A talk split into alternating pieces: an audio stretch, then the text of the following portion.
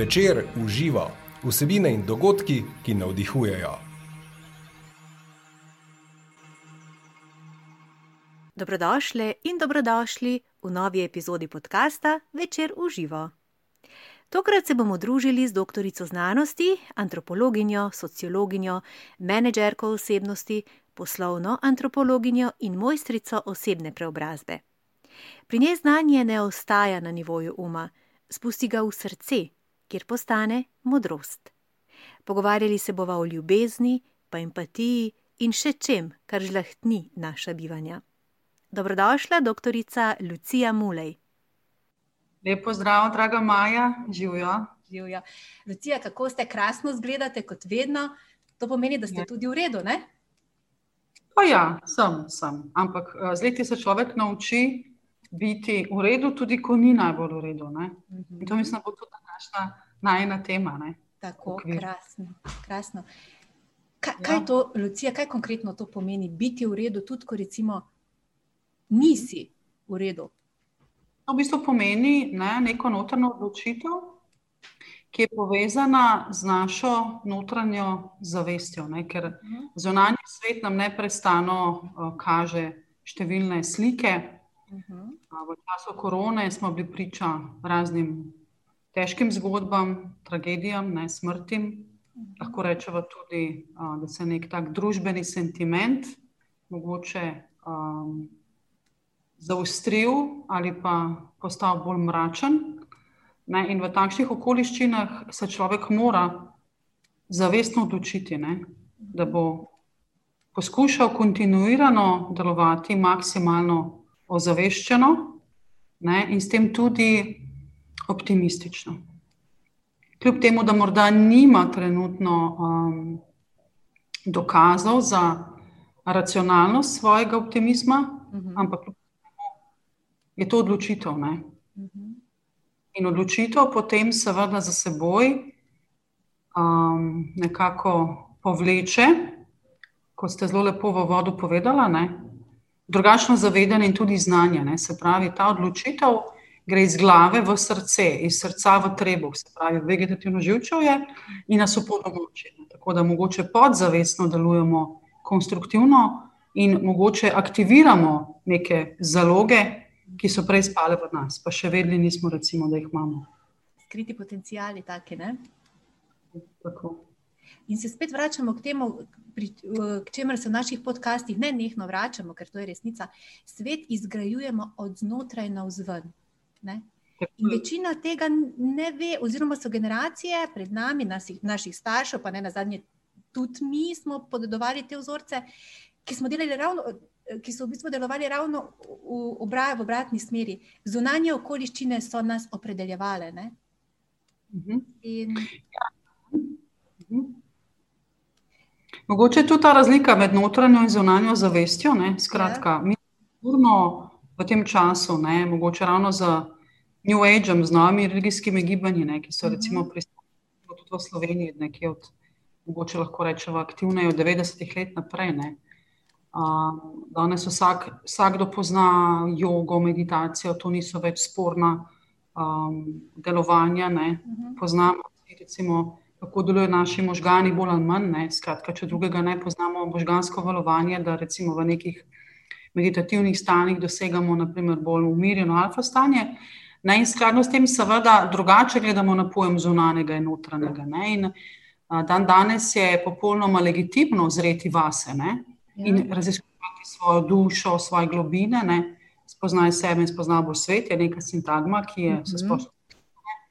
Če bi to recimo počeli sto let nazaj, ne bi bili verjetno um, potencialni, um, bom rekla, ne bomo uporabljali nobene diagnoze, ne, ampak potencialno problematični ne, recimo, Mhm. za neko skupnost. Ne. Ko je pa nekako večinska normalnost takšna, ki podpira a, duhovne in drugačne dihalne vaje tehnike, ne, se pa seveda tudi pojem notranje zavesti spreminja, ne, kar pomeni, da je naša generacija, recimo, ali pa tisti, ki smo bili rojeni nekje od, rečemo, povprečno, ne, 80 let naprej, ne, smo že padli v to pozitivno naravnanost. Ne, skratka, danes magija pozitivnega mišljenja ni bav, bav, ni neka, bom rekla, uh, zgolj um, farsa, ampak aktivacija določenih potencialov in neka drugačna slika, ki jo mi lahko razvijamo z našimi možgani. Ne? Torej, na nek drug način povezujemo sinapse, vedenje, obnašanje. Ne?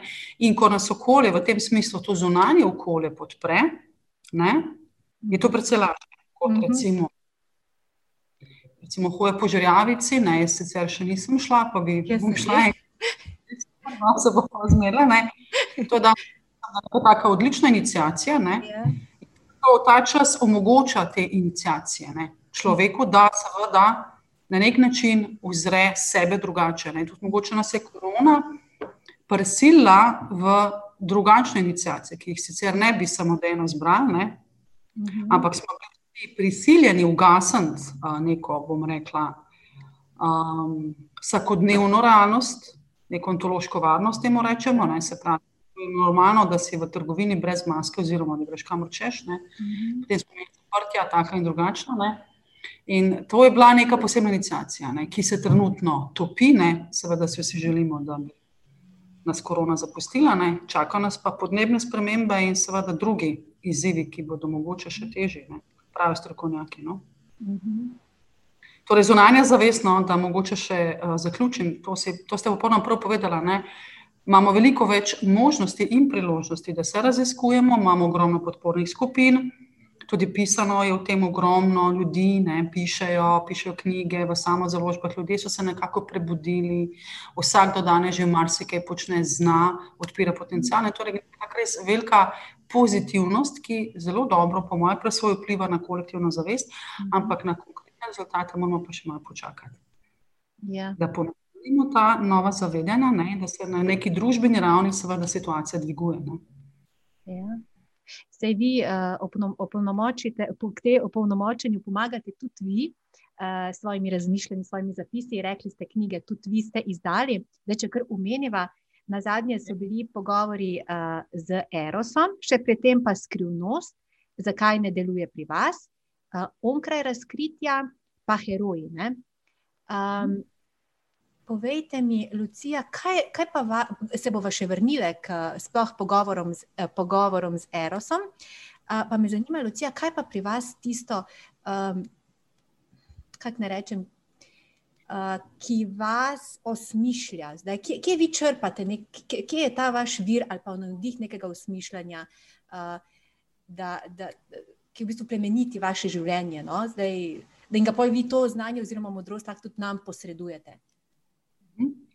Zdaj, viri so seveda v življenju bili različni, ampak sigurno je pa nek skupni vir, da je to znanje. Mene je vedno motivirala želja, potem, da spoznam, ne zgolj razumem, mhm. ampak dojamem neke situacije, ne? neke, bom rekla, trende, neke, neke naravna gibanja. In definitivno so me vedno uh, zanimali duhovni zakoni, ne? ker uh, naše življenje če pogledamo čisto biokemijsko, ne kemijsko, um, bom rekla, držijo po konci številne reakcije, oziroma biokemijske reakcije, če govorimo zdaj na področju biokemije. Enako velja recimo za druge fizikalne zakone, zakon gravitacije, ne karkoli pač ne, spustiva, pade, ne, pač to je zakon gravitacije. Na podoben način obstajajo druge zakone, ne, um, elektrodinamike, recimo ostali bolj specifični, zahtevni zakoni. Um, večina, seveda, ne razumemo, ne, kako deluje elektrika. Uh -huh. uh, če lahko mi zdaj znanstveno to opredeliva. Ne. Še manj verjetno lahko zdaj znanstveno opredeliva, kako in zakaj se Zemlja vrti okrog Sonca in tako naprej. Ne. In cel kup nekih skrivnosti. Ne. Ki so pravzaprav okrog nas, ampak jih ne dojemamo kot skrivnosti, ker so samoumevne. Se pravi, to je opet neka ontološka varnost, ne? tisto, kar je samoumevno. In mene vedno nekako, ja, to me usmišlja, da raziskujem uh, na nek tak mil, mil način in predvsem empatičen način. Ja. Ja, svet okrog sebe, torej mhm. ljudi, ki se pravijo na mene, um, z razno raznimi um, izzivi. Ne. To sem razvila management osebnosti, ki ni neka psihologija ne, ker psihoterapija ima drugačne dimenzije, drugačno globino. In v Sloveniji imamo čudovite psihoterapeute, ki ogromno podelajo. Ne. Ta moj pristop je bolj antropološki, bolj svetovno-nazorski. In ko človeku pomagaš, recimo, da sebe prepozna in spozna, in ko recimo razreši neko dilemo, to je tisto, kar ima tudi v smislu. Torej, ja, ko se recimo nekdo reši nekih verik, nekih spon, ki so mogoče samo, zelo bom rekla, banalno, um, spone nekih. Um, Nekih oskih informacij, ne? recimo vprašanje dedovanja neke duševne motnje. Ne? Ja. To ni bom rekla, ad hoc, to ni copy-paste. Uh -huh. Recimo nekdo, ki je bolj senzibilen, razmišlja, kaj pa če bom še zbolel, pač razložiš, kako je z recimo, dedovanjem, multikozalno mrežo dedovanja, kar pomeni, da en gen določa več lastnosti, verjetnost in tako naprej, toliko manjša. In ko nekdo, ki je pravzaprav obremenjen bolj čustveno ali pa z nekim ožjim znanjem, uh -huh. doživi neko osvoboditev, to meni recimo blazno. Uh navdih ne, in sem srečna za ljudi, ki potem poletijo ne, od tega mojega prijema, rečva, ne, pa mojega objema, boljš kot prijema, no, ker to pač objem nekih znanj, veščin. Ne, ja.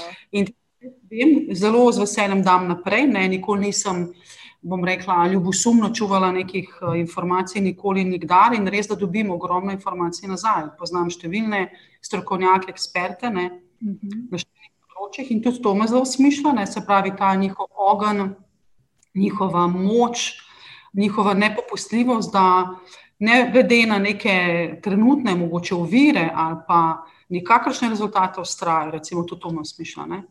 Tako da neka taka veličina človeka, ne? pa ne na zadnje, zelo me smišlja tudi prihodnost. Ne? Torej, eh, jaz ne gledam več na človeško raso kot na pač države, na Slovence, Avstrijce, Italijane, Mačare, če smo zdaj pač Hrvati in neposrednji bližini. Sploh gledam, da smo kot človeštvo pravzaprav na nekem prehodu, ne, ravno smo pristali na Marsu, ne, ravno smo tako, ne, recimo v možgane že Neuralink, ne, se pravi Mask, ne, ustavljamo neke drugačne softverske rešitve. Torej, mi smo kot vrsta izredno napredni, ne, jaz pač gledam na nas kot na vrsto. Ne, in to me tudi navdihne, da, da nismo več ujeti v neke majhnosti, v neka, bom rekla, trivijalna vprašanja, ali imam pet kil preveč, ali imam mogoče pre, bolj preveč svetu ali pretemelj, kako še koži v tem klasne. Ampak pač poskušamo najti smisel v neki veličini, ne? ker smo. Človeštvo smo pač veličina, ne? seveda imamo cel kup stran poti, zablotne, alegorij zla in dobrega je ogromno. Ne? Jaz pa pač poskušam poiskati um, mostove, torej poskušam, tako kot številni drugi pri nas v gospodarstvu, povezati nepovezljivo, ne? ker imamo res izredne slovence. Ne? Tako da to vedno rečem in to je res. To me tudi recimo spominja, ta njihov drive, njihova pot. No, vse to, zdaj, ko ste omenili mostove, ta, ta um, ne rečem, motiv mostov, pa zidov, ne, uh, uh, je tudi zelo zgovoren pri tem vašem rečem, podajanju, ustvarjanju. Um, ampak tudi pravimo, sami ste opazovali, da smo v, v, eni, uh, pri zvezdanju, no, tudi konkretno ste omenili v oddaji, da tudi um, mnogo težje je tudi tehnično, oziroma fizično, se pravi, graditi uh, mostove, kot tudi postavljanje zidov, ne? in tudi uh, alegorično, oziroma um, kako ne rečem, um, um, ilustrativno, tudi to v odnosih, ne? Uh, bi lahko tudi sporednice potegnili. Ne? Točno to. Torej, ja, če živimo v nekem malem svetu, recimo dveh dimenzij, ne, Seveda ne razumemo ljudi, ki imajo milijon dimenzij. Ne? In običajno v teh razlikah med eno in drugo ravnjo ne, zgodijo predsotki, ja. ne, se zgodijo obsodbe, zgodijo se rane. Ne? Mhm. Ko pa recimo nekdo pove, ne, da nam pač reče: Poglej, ta človek je v treh dimenzijah, ti si v petih dimenzijah. Ne? Mhm. Mi rabimo najprej ustvariti nek prevod. Ne? S tem ja. se strukturira. Prevodi pomenov, uh mhm. -huh. sprevodi vrednot, sprevodi smislu. Uh. In ko recimo ljudje dojamejo, ok, razumem, on je na tri, jaz sem na pet, nekdo je pa lahko na tisoč, ne, uh -huh. na nek način začnejo v sebi iskati razloge ne, za povezovalno moč. Ker, ne, če smo recimo podjetnici. Ja. Človek na nekem področju, kot recimo vi na področju novinarskega dela ne, ali pa na področju preda, prodaje si ne moreš prvoščiti um, soditi a priori, ne? ker si lahko eksistenčno ogrožena. Ne? In včasih je ta cona obdobja problematična. Ne? Torej, ljudje so morda preveč v coni obdobja, In zato ne želijo postaviti mostu, ne? ker je seveda most v smislu psihičnega mostu ali pa čustvenega mostu ne? um, neka praksa, ki zahteva dodatno energijo. Ne? In naši možgani že tako ali tako uh, uh, porabijo veliko energije ne? in um, tudi neke vrste gradnja novega človeka, ne, ko se človek odloči graditi drugače, je zelo izčrpajoča. Najprej pač potrebno vzpostaviti metodologijo povezovanja mostov, s tem se tudi pač ukvarjam. Torej, da razumemo, da ima vsak od nas drugačen svet ne, in da lahko poiščemo med temi svetovi neko, bom rekla, um, sodelovalnost. Ne. Oziroma, kalibriramo ne, um, skalibriramo srce, ne, duha, tudi telo, in potem kar naenkrat ne, ni več toliko komunikacijskih šumov. Ne. Komunikacijski šumi, če imamo neko, bomo rekli, dobro namerno komunikacijo, so že po teoriji podani zaradi fonemske, fonetske razlike, zaradi celkup kontekstualnih razlik v jeziku, ne, taksonomiji izrekanja. Ne. Ampak kljub vsemu. Um, Pa veliko krat vzpostavimo načrtno uh, prepade ne, med nami in to je škoda. Ker že po defaultu, kot rečeno, je jezik poln um, komunikacijskih šumov. Ko pa mi ustvarjamo neko povezavo, ne, mhm. recimo tako connection, mhm. pa šuma ni. Ne. In zanimivo je, da je najmanj šumov takrat, ko smo zaljubljeni. Gli, ravno to smo hvala reči. Evo, zdaj smo mi dve, tu, tu mi smo telepatijo. Prikazujemo telepatijo. Ja, evo. Ja. Se pravi, zaljubljenost, ljubezen? Ja, tako, tako. Lahko greva kar iz tukaj ven. Kako? Uh, uh, ljubezen, ne? ampak da je no, ko smo zaljubljeni, to so reke, tukaj je manj komunikacijskih šumov, ampak vendarle, zdaj zaljubljenost ali pa tista uh, ljubezen, o kateri tudi vi pišete oziroma govorite. Um, kak, ne vem, kako sploh naj opredelim kot nekako kot stanje zavesti. Ne? In ko delujemo iz nje, zdaj, glede na vse napovedano, se mostovi tudi enostavno sami izgrajujejo. Ne? Ja, jaz bi tako rekla, ne? človek mora dozoreti osebnostno, Seveda. da je sposoben postavljati mostove. Ja. Dozoreti osebnostno tudi pomeni, da seveda naredi kakšno napako. Torej, tudi jaz sem, sem in tja postavila mejo normalno. Ne? In tudi, kot sem povedala pri zvezdanji, človek, ki raziskuje svet, trči v vlastne predsotke. Ne? Človek, ki je doma na dvorišču, trči samo ob uh, vrata, ja. ob kakšno revočemo pa se enega. Torej, če je naš svet majhen in ozek, torej ne trčimo v nič. To je zelo pomembno. Ja. In ko se govorimo ne, na tem nivoju, dojemamo tudi, kar se tiče ljubezni, svet popolnoma drugače. Ne. In seveda, eno je ta erotična ljubezen med moškim in žensko, oziroma če govorimo o homoseksualnih parih, pač v tem mhm. drugem kontekstu, potem je seveda ljubezen med prijatelji. Ne. Mislim, imam zelo dobre prijateljice, krasne ženske, ki se poznamo že z enimi dolga leta ene so pač prišle kasneje v mojem življenju in imamo res nek tak ljubeč, srčen, stoprocentno spremajoč odnos. Smo pa res a, dokaj izkušene v smislu, recimo, ena dela zelo mednarodno ne, in ima res. Um, Ker če teh kulturnih um, razlik zavedanja, ne, da brez te kalibracije ne moreš rešiti. Ne. In seveda, potem, ja, ljubezensko gledano, ne, gledaš potem stvari zelo drugače ne, in postaneš mogoče dozorel, da ljubiš tudi takrat, ko si zavrnjen, recimo, ko mogoče stvari niso, ne gredo po tvojih pričakovanjih. Ne? ne gledaš več klasično ljubezni v smislu teh nuklearnih družin, po Parsonsu, kot tako obstajajo več, da danes imamo bolj ali manj reorganizirane družine, torej tudi definicija družine se spremenja. Ne. Mhm. Družina je lahko človek, ne. danes so se več mladih ljudi, ki imajo kuške na mesto otrok. Ne. Mhm. Zdaj lahko se zgražamo, lahko se ne, ampak tudi to je družina. Ne. Človek za svojo domačo žival je pač družina. Ne. In tudi, ko se prijavite bivališče, mislim, da morate tudi povedati, da imate, če ste v bloku, kot pač koliko imate domačih živali. Torej, pravno formalno smo spremenili ne, pojme družine, pojme partnerstva. Ne.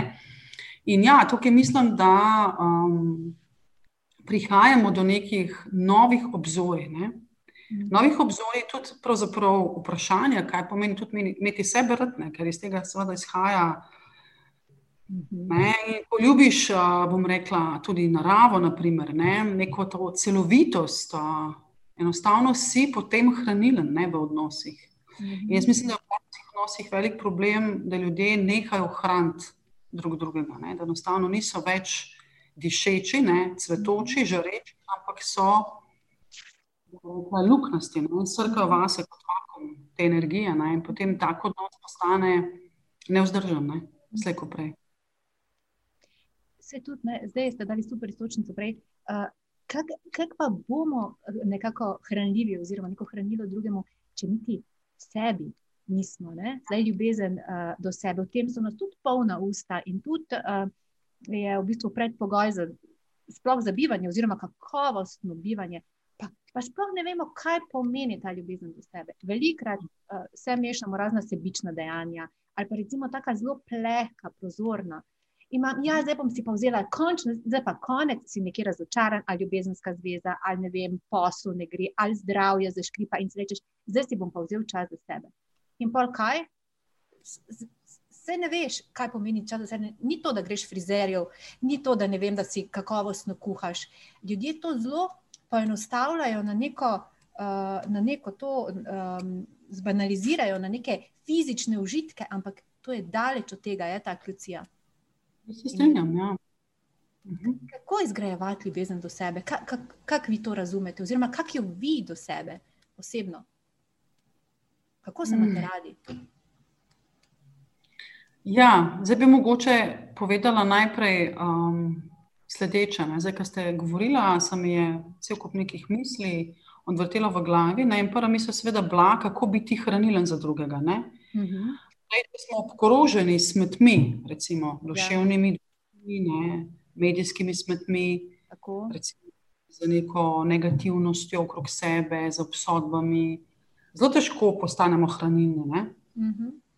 V naravo, ne, tudi uh, roža, če nima primernega okolja, torej svetlobe, vode in tako naprej, ne more uh, žareti. Enostavno tudi jabolko ne more obroditi sadu. Torej, če želimo ustvariti neko ljubezen do sebe, rabimo imeti ustrezne pogoje.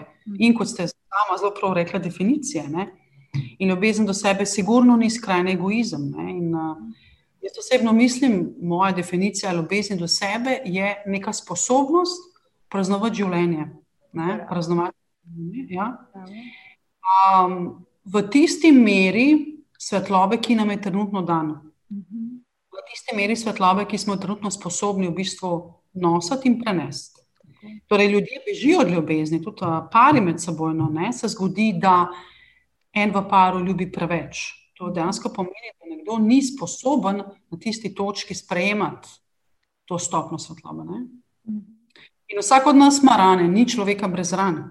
To bi bilo iluzorno pričakovati. Ni danih staršev, ne? ni danih otrok, ni danih partnerjev, ni danih predsednikov. Ne? Vsi smo, in se čem temu ljudi na poti. Ne? In če znamo praznovati etape življenja, ne? To dejansko pomeni, da pričenjamo z neko zrelostjo, z zrelim odnosom do sebe. In takrat jaz mislim, da smo še lahko mili in ljubeči. Do takrat smo pa vse čas v nekem boju, v nekem dokazovanju. Jaz včasih vprašam, delam s številnimi ljudmi, ne, koga ki je res veliko dosegel. Ne, in ko vidim, da se tega sploh ne vidi, ne, da se ne da samemu sebi priznanja, da ne zna praznovati, to je problem. Ne. In ko praznujemo življenje, ne, praznujemo to, bom rekla, iskro vsega stvarjenja. Ne. In s to definicijo bi jaz rekla, dokažemo, da smo res radi. Ne. In zdaj praznovanje ne pomeni, da gremo zdaj mi dve na Maldive, pa da imamo serije. Kaj ne? Praznovanje že ne pomeni enostavno tista notranja, ozaveščena radost, ja. ko notranja melodija igra. Ne. Uh, žiri v nekem veselju, to bi se rekel, da je ljubezen do sebe. Uh -huh. In potem ta milina nekako žiri, in takrat lahko človek postane hranilен, ne zgolj za sebe, ampak tudi za širšo skupnost. Uh, ker ni več v nekem procesu dokazovanja, niti ne v procesu obsojanja, niti ne v procesu, bom rekla, samo promocije, ampak enostavno je v nekem toku ne, te frekvence ustvarjanja dobrega ne? in ta dobro namerno se čuti. Ne? In takrat začnemo resnično vplivati na kolektivno nezavedno. Ne? Mhm. In uh, v, v našem slovenskem prostoru imamo kar nekaj ljudi, ki mislim, da imajo že zelo močan ta pozitiven vtis. Sam jih ne bi osebno imenovala, kam mislim, da ja, ja, oni ne bi. Ja, ja. ampak jih je veliko. Čutite, Ja, ja, vse se zazna. So, so, vse je veliko pozitivnih primerov, ne. samo je pa res, ne, da se vsi fokusiramo na gnilo jabolko, ne preveč, Mhm. se fokusiramo na to, kar ni. Pozabljamo, da je že to, da smo zdravi, da Mhm. zadeve bom rekla, niso v tem kontekstu problematične. Ko pa enkrat recimo, doživimo neke večje preizkušnje, takrat pa, pa začnemo drugače gledati ne, na tisto preteklost, ko nismo bili pa mogoče dovolj veseli. Ne. To je mogoče ta poanta tudi te hvaležnosti, ne, o kateri se toliko ja. govori. Ne. Ja. In hvaležnost je pravzaprav zavedanje. Ne. Mhm. Zavedanje tega, da ja, življenje treba praznovati, ampak uh, iskreno, ne pristno. Težko se mi pretvarjamo, da smo hvaležni za nekaj, v bistvu smo pa notranje mrzline. Mhm. In vesolje, če govorimo zdaj o tej iskrenosti, ne, Ronde Brown, ne, to začuti, to zasliši. Ne. No, vse to. In hvaležnost, mislim, je ta jezik oziroma ta, to praznovanje življenja, ne, to kot recimo praznuje narava, ne sonce sveti, ne vpraša, komu posvetilo, pa sveti vsem, ne, to je ta vidik, jaz bi rekel temu, ljubezni do sebe, ne, ko enostavno potem samo vsi v tej frekvenciji žarenja dobrega. Ne. In to tudi matematično deluje, ne? čist fizikalno deluje. Ne? Ja, ja. Multiplikacija dobrega je takrat, ko se želimo za vse, ne samo zase. Ne. Da ne postavimo denarja, mislim, da ni težava. Ne. Če smo nekaj let nazaj dali v kriptovalute, smo lahko danes milijonarji. Sem kaj imamo od tega, če ne želimo, ne. Mhm. če samo razvajamo neke svoje čute, v bistvu smo poškodovani. Ne, naprimer. Mhm. In je mnogo vidikov revščine ne, in tudi uh, bogatenja. Tako. Ja. Mhm. Lucija, kako pa recimo to mlačnost prebujati, to iskro um, hvaležnosti, pa žarenja, na kak način? Zdaj ljudje se zavedajo, se čutijo, se vejo, da pač ker se ne premakne, ker ni spremembe, da so mlačni, pa bi si želeli eh, proslavljati, ne vem, uživati, um, čutiti to iskro. Kaj, kaj narediti? Kako jo prebuditi? Ok, s hvaležnostjo, ampak so ravno ste rekli, mora biti iskrena, mora biti pristna. Um, Stikrat nas budijo preizkušnja. Ne? Uh -huh. Pa so nujno, vedno potrebne. Se da to, to za neke vrste inicijacije. Ne? Um, Na neki točki niso več nujno potrebne. Ne? uh -huh. Um, mislim, da na neki stopni ne, stanja zavesti uh, človek doseže nek mir. Ne? Mhm. In če želi napredovati, ga zopet čaka neko, nove, spo- neko novo spoznanje. Ampak mogoče uh, ne gleda več na to preizkušnjo ali pa na neko notranje preobražanje kot na nekaj traumatičnega ali pa slabega, ampak enostavno sprejme formulo, ne? pač sprejme silo gravitacije. Ne?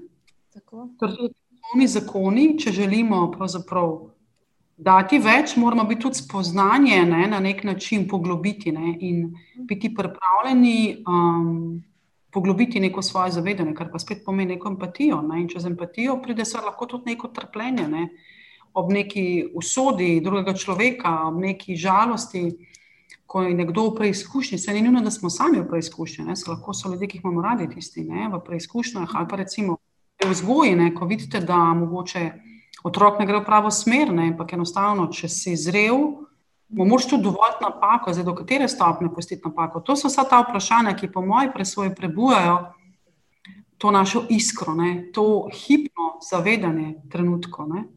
In je zanimivo, da imamo mi um, na svetu tudi ljudstva, ki nimajo časa v smislu preteklosti in prihodnosti, ampak samo now, ne samo sedaj.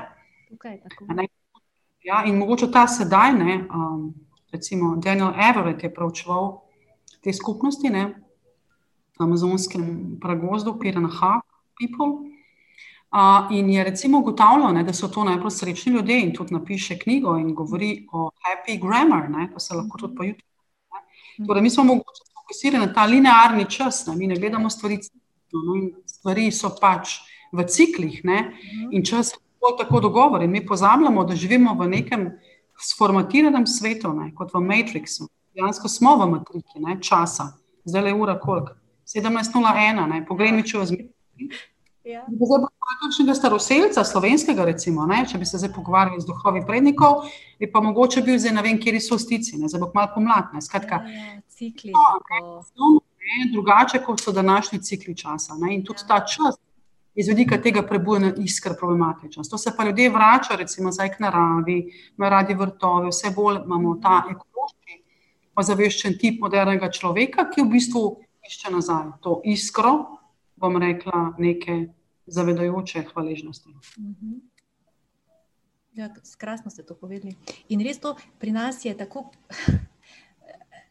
zelo to zaziranje v preteklost je tako močno zakorenjeno. In, in ta nostalgičnost, in, to, in tega tukaj in zdaj ne izhajamo. Redki so, ki to znajo, ne, to je veščina, modrost. In to navezovanje na preteklost, se ti ne more um, ustvariti prihodnosti. Nič drugačne, kot je bila preteklost. Ne, se se, te vzorčke se prenašajo ne, in ker ne izhajamo iz tukaj, zdaj, iz niča, ne, ne moramo ustvarjati želenega. Ne, je, ja potrebno presegati ta koncept in najtežje je izgubljati identiteto.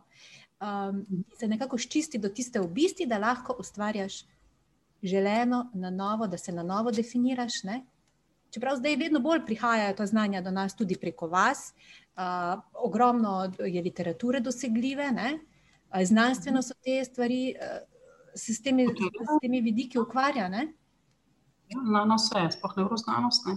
Sploh s temi vprašanji pravzaprav ne, neka neuroneogeneza, ne, se pravi vprašanja rojevanja nekih naših novih, bomo rekli, kapacitet, ne, ja. mentalnih.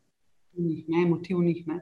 In tudi razvijamo se vse bolj empatično in socialno, ne, ker enostavno mi živimo v pokrajini ljudi, mi ne živimo več v pokrajini pač eh, zveri ali pa narave neposredno, smo tudi zgubili, temu plesner govori, ne, ekscentrično, smo neki stik z naravo, samim sabo. Ne.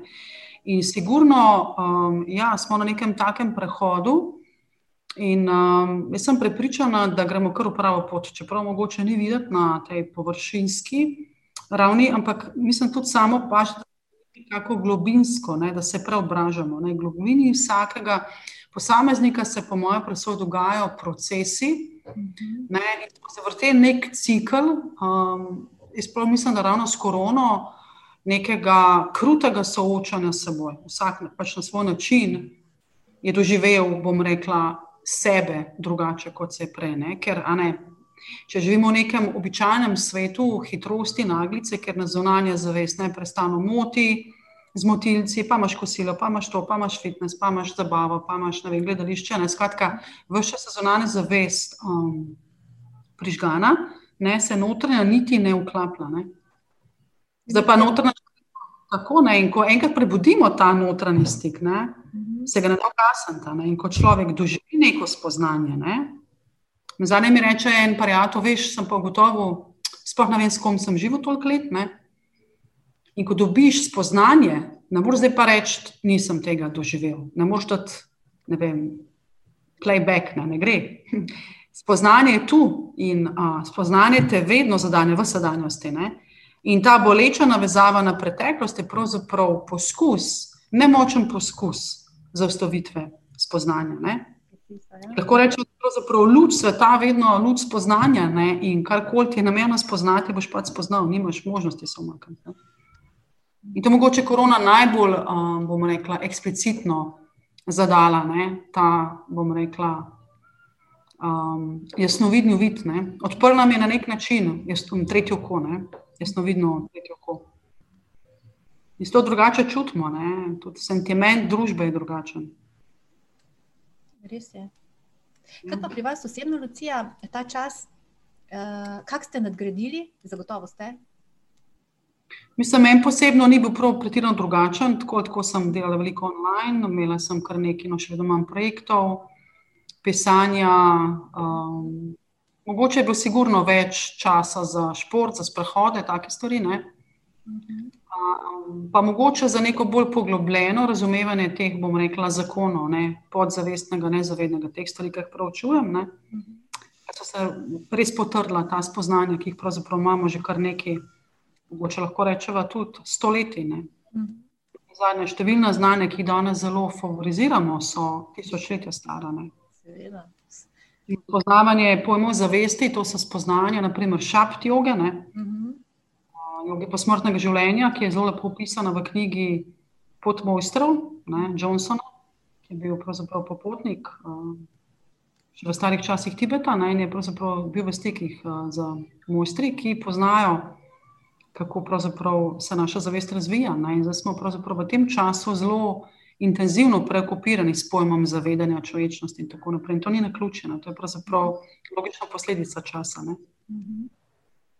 Marsikoga je mogoče to kar malce preveč, ne, teh informacij, oziroma tega. Se kar ustrašijo ljudje, ampak jih je treba pomiriti. Ne, in to je neznano polje za večino.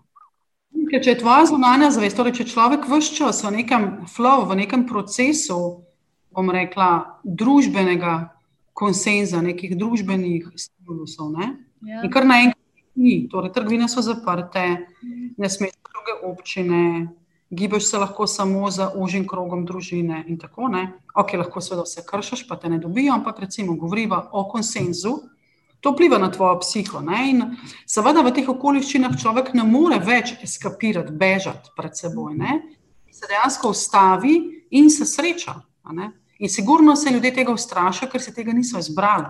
Eno je to, da ti izbereš pot samo spoznanja, greš recimo na določene točke, osebne rasti, kamino, vem, klasika, Indija in tako, čeprav je tako danes skoraj vsak uh, kraj ne, lahko zate kamino, ne, ni potrebno ravno v kamino. Ne? Ampak recimo, ne, če ne izbereš tega samodejno, je neprijetno, ne, ker te nekdo prisili v to. In to so tudi prej mogoče poudarili, da enostavno ne moreš bežati pred spoznanjem, ko enkrat ugotoviš tudi kvaliteto svojega bivanja. Ne. Zdaj smo bili vsi na nek način sami seboj, ljudje so gotovi kvaliteto svojih bivanj, svojih življenj, svojih partnerstv, svojih poslovnih partnerstv, ne. ker kar naenkrat so maske padle, ne. ni bilo več umetnih mašil. Ne. In, in ta, ta resnica, ki se je nekako razgalila, je pač tu, še vedno je. Ne? Tudi če zamižimo, je še bolj vidno. Ne, to je ta paradoks notranje zavesti. Ko pridemo do spoznanja, nas spoznanje po teoriji in tudi v praksi brez doma porazi, preobrazi, mogoče porazi, ja, iz vedika naših iluzij, pa utvar, ampak ravno te mini poraze, v bistvu treba spustiti ne, in se prepustiti temu čudežu, ne, temu čudežu življenja in temu, da pravzaprav nimamo nekih um, trdnih projekcij prihodnosti. Ne, kot sem prej omenila, ne, podnebne spremembe so tu.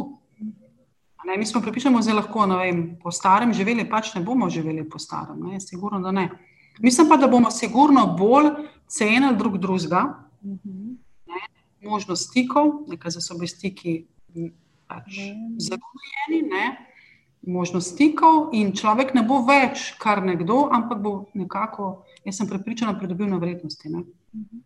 Tudi ta naš stik, ne? ker mi se preko stika veliko bolj učimo, ne? ker prisotnost človeka, ne? fizična prisotnost, prisotnost njegove, bom rekla, njegovega polja, ne?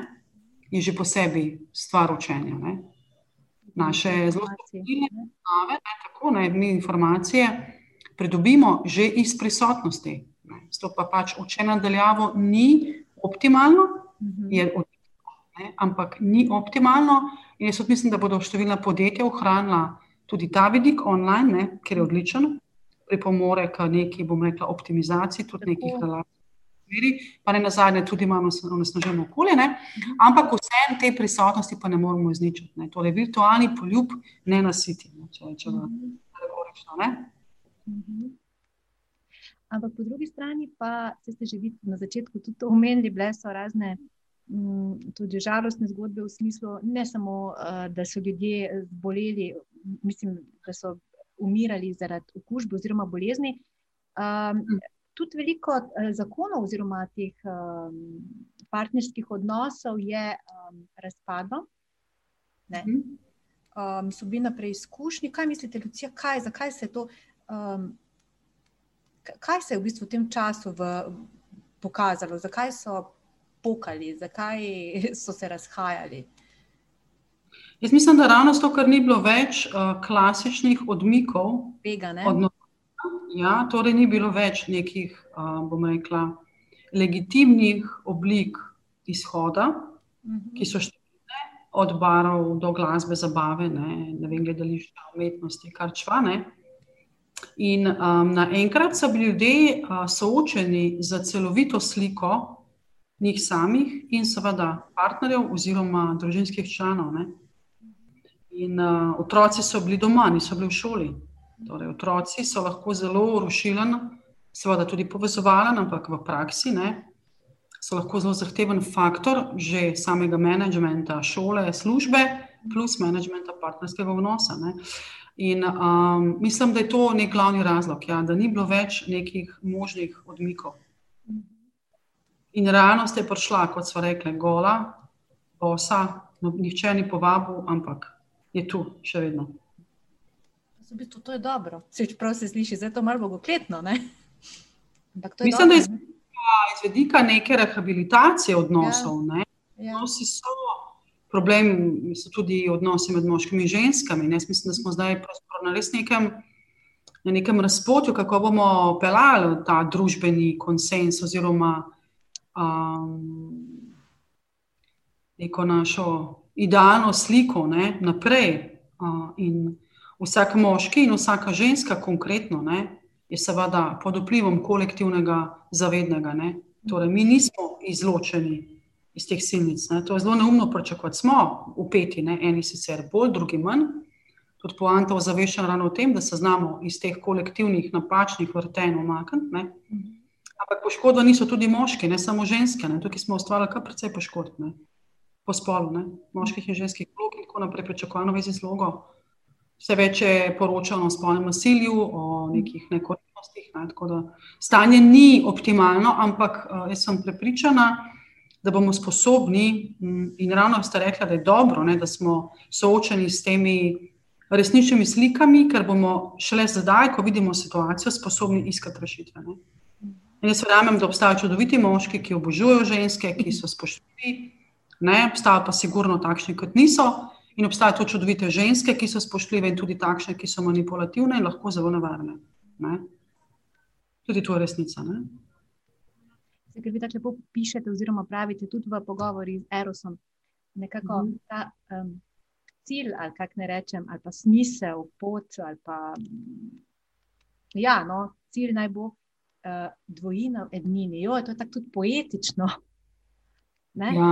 In to je res ja. umetnost. Ja. Ja, ja, ja. Torej, mislim, da se mi veliko v toparnostih srečamo, polni nekih lukenj, travm, ran. Ne? Potem nekako, ja, odvisno, ampak veliko se projicira, ne? kaj pričakuješ. Ko si pa enkrat cel, ne? celovit, o tem govorim, ne? ko znaš biti sam, znaš tudi v dvojini funkcionirati. Ne? In vedno smo v paru trije, ne?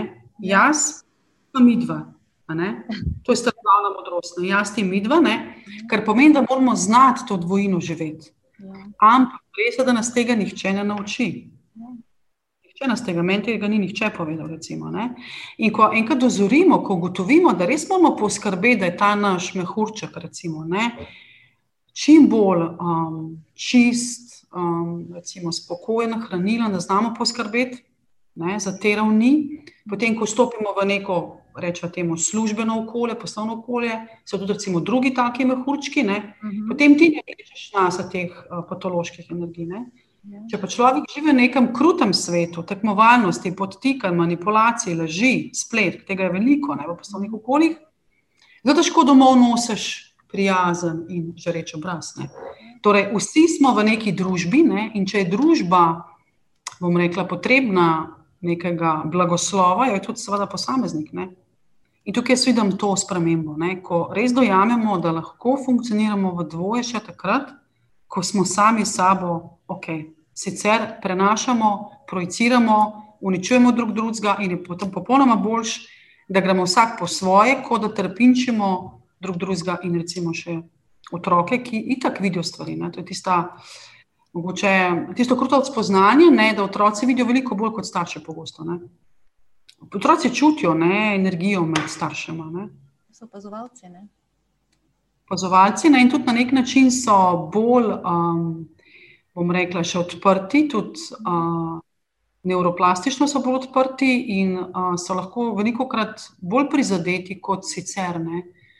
Uh, ampak jaz sem še vedno zelo zagovornik tega, da se ljudje poskušajo vseeno um, naučiti, ne, nekih tudi partnerskih situacij, kaj je težava in da predno naredijo tiste zadnje reze, res poskušajo, recimo s temi raznimi tehnikami, se jih cel kup. Uh, ker nek dober zunanji opazovalec lahko tudi nek tak par, ki še vedno ima neko ljubezen med sabo, ne, zrehabilitira. Če pa tega ni, pa noben ne more pomagati. Ne. Kot neka privlačnost, ne, erotična ljubezenska, če je ni, jaz se ne znam ustvariti. Mogoče kdo obstaja, jaz se ne znam ustvariti, ker to je stvar biokemije. Ja. Ne bom rekel, da gre vedno za isto frekvenco biokemije, seveda se lahko tudi razvija ljubezen, pa bom rekel neko spoštovanje, ampak vse en ta stik med partnerima mora biti. In če je še oplemeniten z neko ljubečnostjo, uh, lahko par vsaj, bom rekel, te preizkušnje, recimo, dobro, prenese, sicer ne. To je nekako pokazala praksa. No. Ampak, kot rečeno, če pa resnično v paru že začnemo dovolj zgodaj delati na teh um, razlikah in nesoglasjih, pa lahko prenesemo neke težave. Ne. Če pa vsak samo dela, živi v svojem svetu, ne, pa zgubimo stik, ne? potem je prepozno. Na eni točki je težko za nazaj zrehabilitiraš 10-20 let, ki si jih v bistvu porabil na poslovnih poteh s poslovnimi prijatelji ne? in tako naprej. Treba se kljub vsemu posvečati drug drugemu. Ker to so te nevidne vizi, ki nas a, v bistvu povezujejo in ki v ključnih trenutkih pripomorejo k temu, da gremo čez preizkušnje. Sicer se te vizi, ki so že tako rahle na trgu in to se je, mislim, da zgodilo, ker so prej postalo vprašanje kaj se je zgodilo v koronu, mislim, da se je pač to zgodilo, da so ljudje te vezi enostavno imeli prešipke in so se potem ob pritiskih natrgali ne? in pretrgali. Ja. Lucija, v, v, zdaj, če smo še, še pri Erusu, mm -hmm. 2018 ste ga izdali, ne, je izšel. Um, se se več, bere zelo večplastno. Dajte tukaj tudi uh, um, omenjate ta dva jezika, jez, kar se ljubezni oziroma partnerskega odnosa tiče, jezik moči in jezik ljubezni. Se, se, v bistvu, se ste že potolmačili tudi na, uh, v tej smeri, uh, ampak me vseeno zanima, kaj, kak, kako govori en, kako govori drug, kako jo prepoznati um, v odnosu. Okay. Sigurno za jezik ljubezni velja, da uh, govori pravzaprav brez uh, uvirno, ne? torej ljubezen samo je. Ne? Ljubezen je to, kar ljubezen počne. Ja? Ja. Ljubezen je to, kar ljubezen počne. Uh, in pogosto so takšne ljubezni uh, polne nekih ovir, ali so časovne ovire, ali so druge ovire, ali so recimo lokacijske ovire. Uh mhm. -huh. ne, in takšen jezik nas pravzaprav preobraža, ne? ker ko mi ljubimo drugega, pravzaprav v tem smislu sebi dajemo možnost, da ljubimo nazaj in da smo ljubljeni. Sprav, sposobnost biti je velika sposobnost. Ne. Jezik moči je pa pravzaprav zgolj zelo blag odsev moči ljubezni, ne, ker ne gleda brezovirno, ampak gleda uh, zelo, bom rekla, pragmatično. Ne. Pravi, to je recimo neka skupnost iz um, materialnih razlogov, neka skupnost iz um, razlogov nekega obdobja, mhm. varnosti, recimo temu tako. Ne? In takšna skupnost običajno ni žareča, je pa lahko mogoče bolj funkcionalna. Vprašljivo pa je, če je hranilna. Ne? In vprašljivo je, kaj lahko v taki skupnosti žarečega res damo. Ne? To je podobno, kot jaz rečem, kaj izbiramo. Oziroma, ljudje smo zbiratelji. Ne? Nekdo zbira dragocene slike, nekdo zbira, mogoče, bomo rekli, mogoče, kakšne vaze. Možnosti je neskončno veliko. Ne? Nekdo pa mogoče zbira nasmeške, ne? nekdo pa mogoče zbira in izbere par iskrivih oči. Ne? In sigurno slednji govori jezik ljubezni. Ne? In če mi okrog sebe naberemo vse, kar je mrtvo, potem ubijemo v sebi sposobnost ljubiti in biti ljubljeni. Ne? In ljubezen je vedno tveganje, ljubezen je vedno tveganje, sicer je moč. Ne? In tukaj gre vedno za igro ega, za vprašanje tega, kot rečem v knjigi Eros, ne? da se žrtvujemo na oltarju ljubezni, ne? ker se žrtvujemo, kar pomeni, da se predamo v celoti, brez psihološko varnostnih mrež. Mhm. In ko izberemo, net, ko izberemo varno mrežo, Ne, vse so primeri, ko ti kakšna punca reče, pa prijateljica, pa stranka. Ne, ja, veš pa, sem se odločil za njega, on je bolj perspektiven, on ima podjetje, veš, on ni bil perspektiven. Danes pa tako ni bil perspektiven, je pa recimo strašno perspektiven, ne, ni recimo žal, ne, ker takrat ni poslušala srca, mogoče poslušala svoj strah, ne, ne nujno, da je bila prečunljiva. In pravzaprav jezika ljubezni nas uči zgodovina ne, velikih osebnosti, jezika ljubezni nas uči neposredno zgodovina narodov, ne, ker ljubezen v tem smislu potem seveda tudi ljubezen ne samo do partnerja, ljubezen do otrok, ljubezen do vsega, kar pravzaprav ustvarjamo kot pripadniki človeške vrste. Ne. Tukaj je spet podobno kot prej za neko spoštovanje življenja in za praznovanje življenja. Ne. Potem smo na drugih frekvencah, na drugi frekvenci. Ne. In potem nas tudi ljubezen najde, ker smo sposobni prenesti, ker ljubezen moramo biti sposobni prenesti. Ker nas um, prežari do zadnje celice. In seveda izzove na mnogih ravneh, ki jih sicer ne bi želeli. Ne? Ampak se splača to, Lucija? Ne? Jaz mislim, da je to največja stvar, da nas dotakne veličina ljubezni, uh, ker to je resnično ljubezen, je resnično najbolj globoka in najbolj preobražajoča sila tega sveta. No. In je ostale, ja. Smravljince dobila tu. Večkrat ob takih fajnih sogovornikih uh, dobim mravljince, ker govorite Lepo. iz srca. Oh, Ja. Govorite to, kar želite, ker Ja. enostavno pre, kako rečem, prevajate resnico. Ah, hvala, lep kompliment. Ja, res, res. Um, Lucija, zdaj uh, za konec najnega zelo, ja- jaz bi se še kar pogovarjala, še dve uri, pa se bi še imeli, bi še imeli tem še za tri dni. Verjamem, da še kdaj. Uh, zdaj, uh, naši podcasti večer uživa, imajo nek slogan, vsebine in dogodki, ki navdihujejo. Veliko navdihujočega ste že povedali, tudi namignili, kaj, kaj- navdihuje vas. Pa da ima vseeno, eh, bi vas prosila na koncu, da počrto, um, kaj v vas, kaj vas navdihuje, kaj, kaj vam, vam sproža ta žar, uh, da gorite, razpirate krila. Recimo, danes ste me vi navdahali, zdaj, ko vas poslušam, kako vi vidite. In, Um, ti navdihi so pravzaprav um, smisel življenja. Ne? Ti drobni, uh, vsakodnevni navdihi, um, ki, um, bom rekla, pobožajo dušo, ne? oziroma odprejo oči. Tako da jaz vidim v malenkostih um, tisto veličino. No? Tako bi rekla, zelo iskreno. Hvala. Lucija, sem povedati, zdaj še kaj pišete, nastaja nova knjiga. Pišem zdaj neko znanstveno. Ja, um, kot vidite, pišem kar precej tudi po Facebooku. No, mislim, da mi tudi to vas spremljamo, vaše zapise, pa po raznih ja, edicijah. To mi pomaga. No. Ja. Zelo lušna um, ženska. Skratka, hm, da bi zdaj pisala knjigo.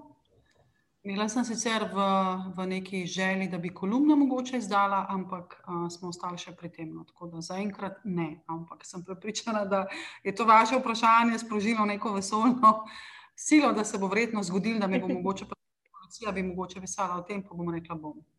Več o podcastih in dogodkih večer v živo najdete na trikrat dvojni www.com pošiljka v živo in na Facebook strani Večer v živo. Z vami sem bila Maja Furman, srčno in srečno, dok malo.